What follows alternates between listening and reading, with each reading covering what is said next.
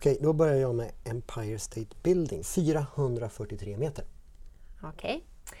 Men det är ingenting i USA för där har vi också One World Trade Center på 541 meter. Okej, då säger jag så här att det är inte ett trädgårdsskjul om man flyttar till Kina för där har vi Shanghai Tower 632 meter. Men kom igen nu då. Detta är inte ens en mullvads hög när vi flyttar till Dubai. Där har vi Burj Khalifa 828 meter. Okej, du vinner. Ja.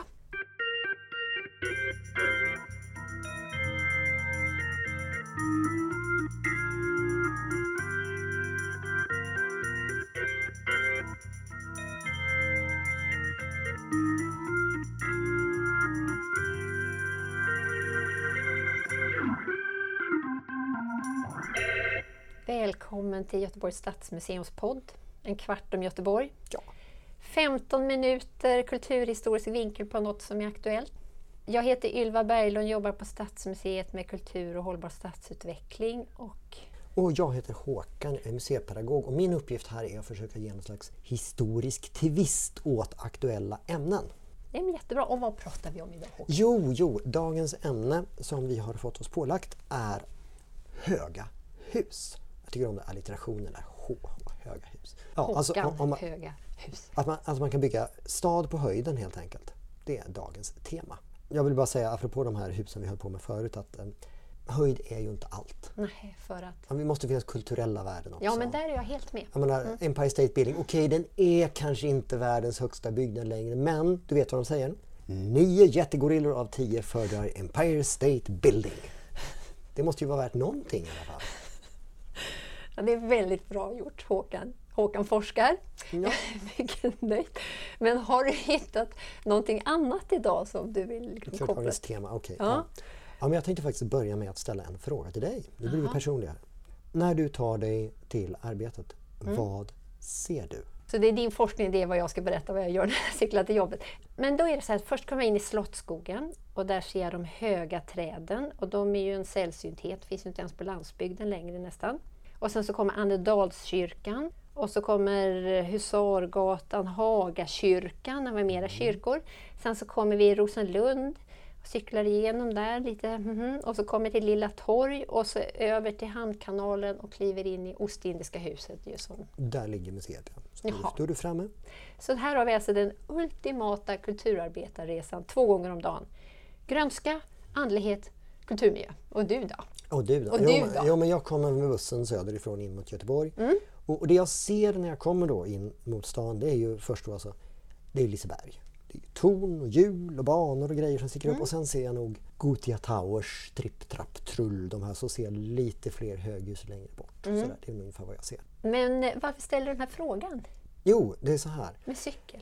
Jag har nämligen snöat in lite på en filosof som heter Alain de Botton. Och han har, han har forskat på städer, vad som gör städer attraktiva. Alltså vilka, varför strömmar folk, turister till vissa städer och bara älskar dem och andra städer skyr dem som pesten. Och han kom fram till att det är sex saker som gör en stad attraktiv. Nummer fem av dem tycker jag är lite aktuell inför dagens tema då, och det är nämligen en attraktiv stad har hus med max fem våningar. Utom, och här kommer det då, undantag för byggnader som alla älskar.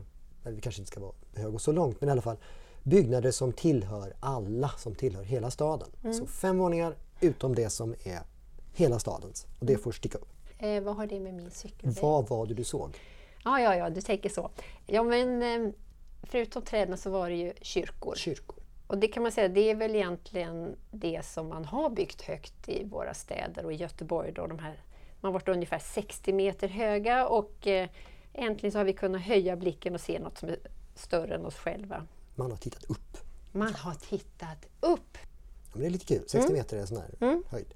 Då går jag vidare till det här för jag tycker om gamla bilder. Så jag tittar då på de här gamla eh, snitten och ritningarna och skisserna över Göteborg då från 1700-talet och sådär. Och där ser man väldigt tydligt i en mur runt stan vad som sticker upp innanför. Och det är ju då kyrktornen och sen är det militära byggnader. Det är liksom kronhuset och det är skansarna som sticker upp. Alltså, det som syns är kyrktorn och militära byggnader. Och det här säger ju någonting om vad man, vad man vill att ens stad ska signalera.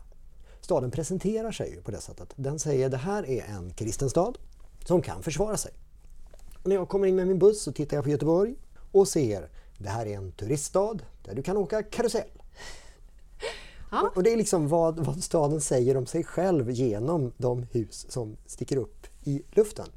Och det där är ju liksom, ja men staden har ju förändrats successivt och det är ju, de här kyrktornen räcker ju.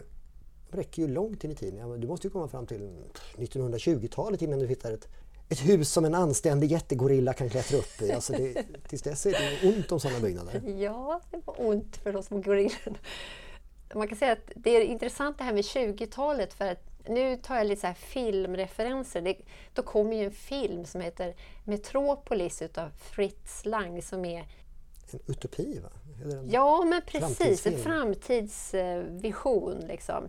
Och det är rätt intressant att det här med framtiden, antingen är vi ute i rymden och svävar eller så är det höga hus. Framtiden är rymden eller höga hus. Ja, men precis. Och ju dystrare och svartare, ju högre är huset på något sätt. Framtidsvyn är alltså höga hus. Mm. Och det här är naturligtvis din smidiga övergång till att sluta prata historia så vi kan prata om, om framtiden istället. Hur ser framtiden ut för Göteborg? Ja, och det kan jag svara på helt och hållet. Nej, det kan jag inte göra. Men jag kan säga någonting i alla fall. Och det är att det här att om man ska bygga höga hus eller om man ska mera anpassa sig efter befintlig bebyggelse.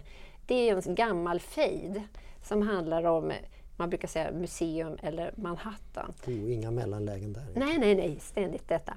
Och det här med att det finns platser där man kan bygga höga hus, det har väl varit lite skralt med kan man säga, men nu håller man på att ta fram någon form av skrift från Stadsbyggnadskontoret som kommer att markera ut var i stan det kommer att funka bra för höga hus. Så då, man säga, då behöver inte den här fejden vara så på, på gång. Liksom. Men det känns väl ändå som att det är en, lite Manhattan som leder just nu va? oavsett vad man planerar. Jo, absolut gör det det.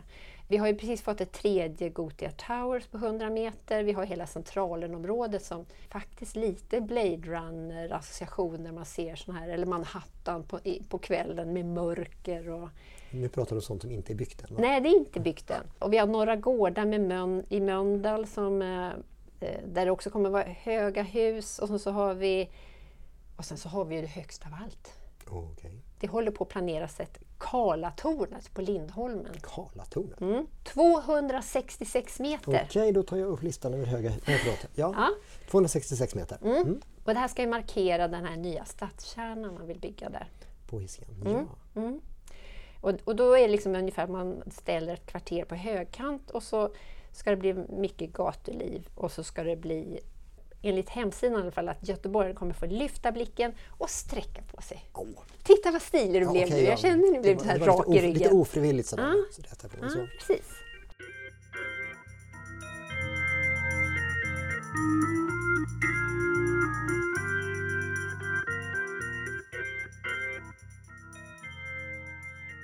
Så det är alltså en skyline för att markera att nu har vi ett nytt centrum, nu har staden flyttat lite på sig, nu är den här borta. Mm. Så. Får jag vara lite skeptisk? Okej. Men, jag, menar, jag ska stå för historiskt perspektiv, du får vara lite konservativt skeptisk. Jag? Så. Nej, men just den här, jag, jag är så fascinerad av det här ordet skyline och den här idén med en skyline. Just att när du är inne i en stad Mm. så ser du ju inte skylinen. Alltså om du är i det höga huset så ser du inte skylinen, inte om du är i det höga huset bredvid det höga huset heller egentligen. Du ser inte skylinen om du går ner på gatan nedanför det höga huset och du ser det faktiskt inte om du är fem kvarter därifrån heller. En skyline är inte till för att ses inifrån stan utan en skyline är till för att ses utifrån. Det är det du ser när du är på väg till stan. Om du kommer med flyg, eller buss, eller båt, eller bil, eller cykel, eller vad du kommer. Du kommer mot stan och då ser du skylinen. Och det är lite häftigt just att man satsar så enormt mycket på någonting som, som inte ska synas i stan utan effekten är för den som är utanför stan. Ja, men det ligger någonting i det du säger, men det är också det här, nu vill jag liksom ta lite så här upplevelsen av det höga huset. Nu blir det barndomsminnen. Anekdot. Just det här med höga hus, när jag var liten så bodde jag i Stockholm och eh, då hade de byggt Wennergren Center som var liksom den första skyskrapan med stålskelett. Och den var invigd någon gång i början av 60-talet. Och jag kommer Hur hög? Hur hög? Ja, men den var prata 70, 74 meter. 74 meter. Lite högre än kyrktorn. Ja, absolut. Och eh, jag var väl kanske tre år eller någonting när min pappa tog med mig högst upp där i Wennergren Center. Och så stod vi där och kastade papperssvalor ut över Göteborg. Eller Göteborg, över, över Sveavägen givetvis. Det var fantastiskt roligt och samtidigt kusligt med höjdskräcken. Så det är alltså frågan om att eh, få barn, få kittligt i magen helt enkelt? Ja, men det funkade. Det var, men det gav verkligen en upplevelse av att staden är liksom stor och eh, ja, ligger och väntar på en där. Ja, men det är väl något sånt. Den där. Mm. Men samtidigt så är jag lite fascinerad just det här. När du, bygger, du ska bygga, signalera att den här staden är ny och stark och på gång. Mm. Så bygger man skyskrapor. Ja. Och då är ju det någonting som har funnits sedan 1890-talet. Det är liksom då de börjar bygga de här första stålskyskraporna i, i USA och man ser folk sitta, såna här bilder av folk som sitter på en balk och äter lunch och dinglar med fötterna 200 meter över marken.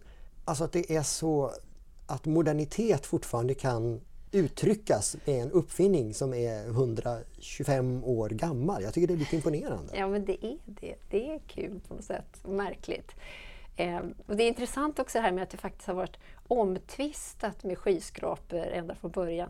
Jag tänker på den första skyskrapan som kom på 20-talet till Göteborg, den här Otterhall.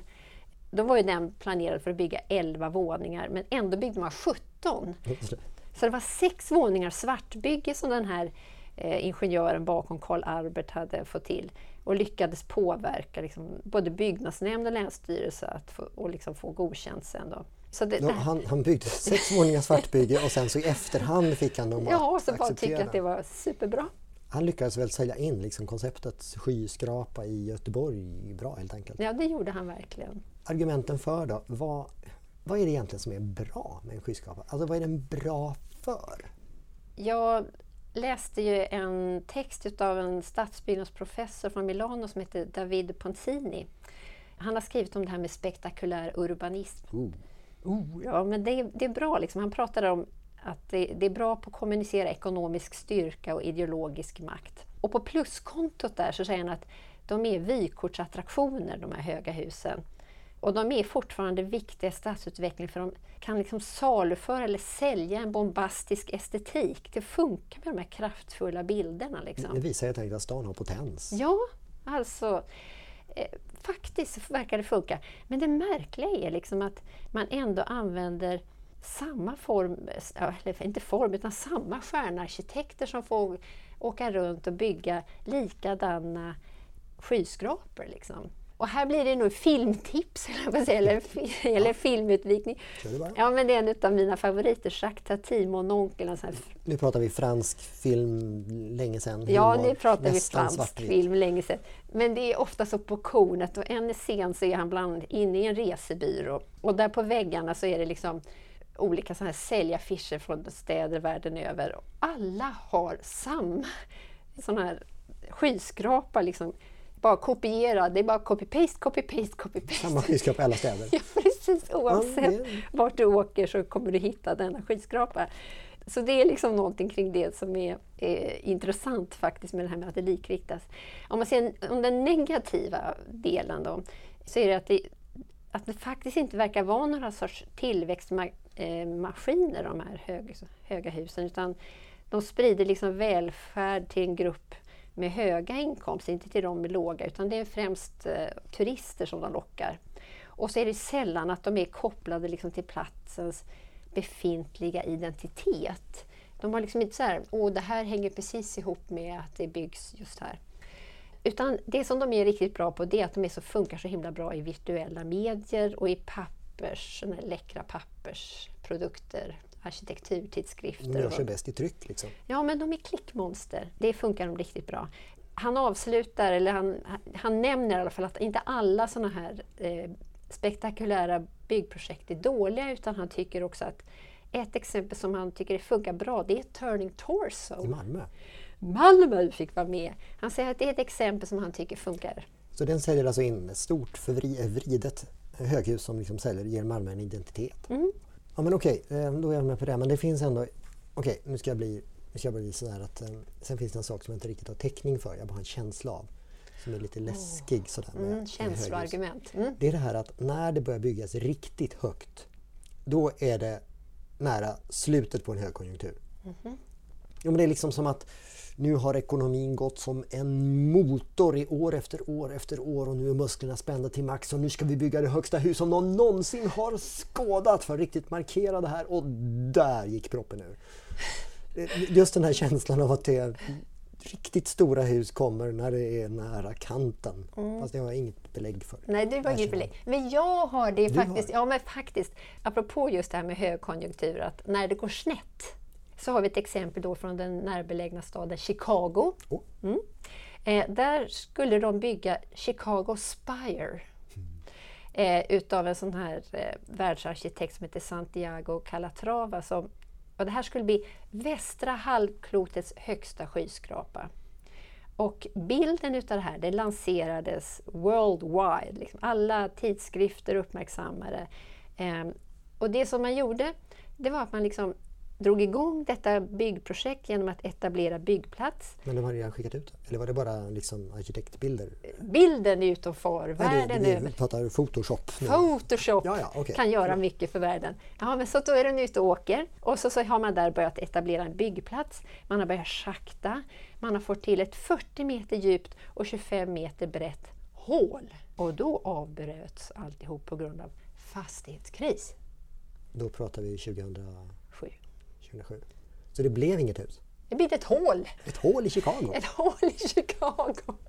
Och, men då var liksom bilden redan kommunicerad ut av, av den här liksom 600 meters fantastiska huset ja, i Chicago. Det kanske fortfarande svävar runt där i eterrymden.